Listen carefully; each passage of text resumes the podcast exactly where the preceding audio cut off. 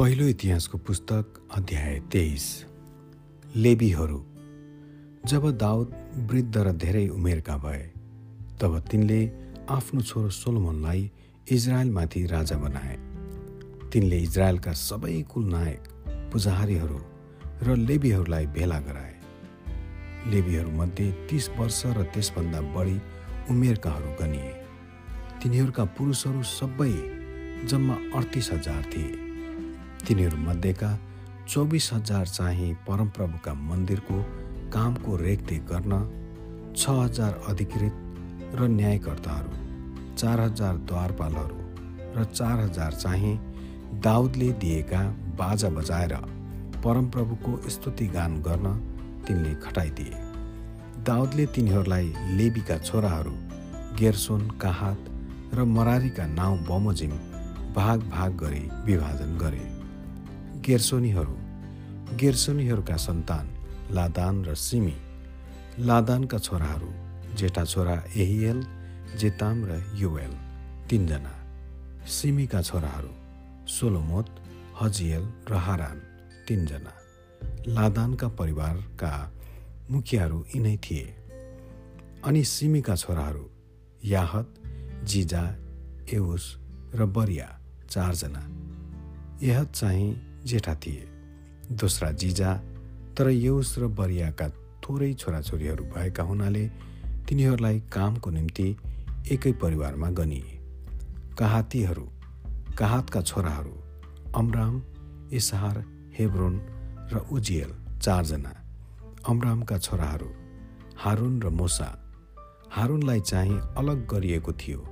तिनी र तिनका सन्तान सधैँको लागि अनि पवित्र कुराहरू अर्पण गर्न परमप्रभुको सामु बलिदानहरू चढाउन र उहाँको सामु सेवा गर्न र उहाँको नाउँमा सधैँ आशीर्वाद दिन अलग गरिएका थिए।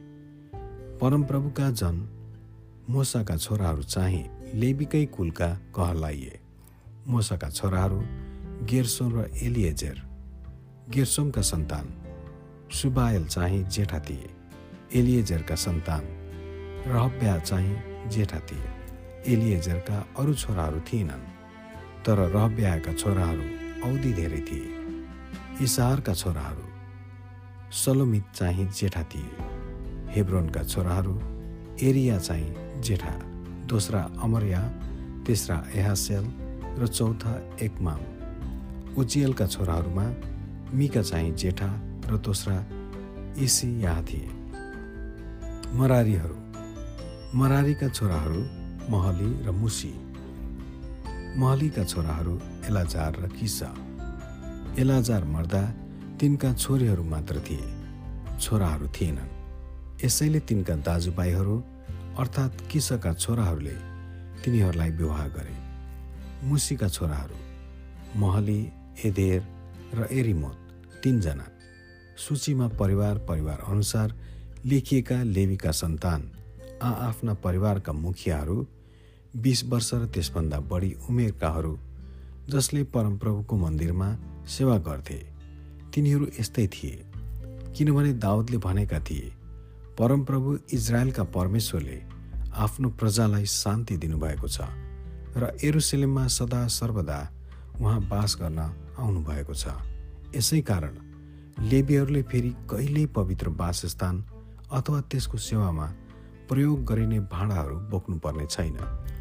दाउदका यिनै पछिल्ला वचनद्वारा बिस वर्ष र त्यसभन्दा बढी उमेरका लेबीहरू गनिए। लेबीहरूको काम परमप्रभुका मन्दिरको सेवामा हारुनका सन्तानहरूलाई सघाउनु थियो। चोक र कोठाहरूको रेखदेख गर्नु सबै पवित्र थोकहरू शुद्ध पार्नु परमेश्वरका भवनको सेवाको अरू काम गर्नु अनि टेबलमा राखिएको रोटी मिलाउनु। अन्नबलीको पिठो अखमिरी बाबर पोलेका र तेलमा पकाएका फुलौरा र ढक र तराजु तयार गर्नु यी सबै कामको जिम्मा तिनीहरूको थियो। परमप्रभुलाई सधैँ बिहान र बेलुका अनि सबात औँसी र ठहराइएका चाडहरूमा परमप्रभुको निम्ति होम बलि चढाउने बेलामा तिनीहरू धन्यवाद दिने र स्तुति गर्ने काममा विधिपूर्वक र निरन्तर लागिरहनु पर्थ्यो। यसरी लेबीहरूले भेट हुने पाल र पवित्र स्थानको जिम्मा अनि तिनीहरूका कुटुम्ब हारुनका सन्तानहरूको अधिकार मुनि परमप्रभुका मन्दिरको सेवाको जिम्मा लिनु पर्थ्यो आमेन।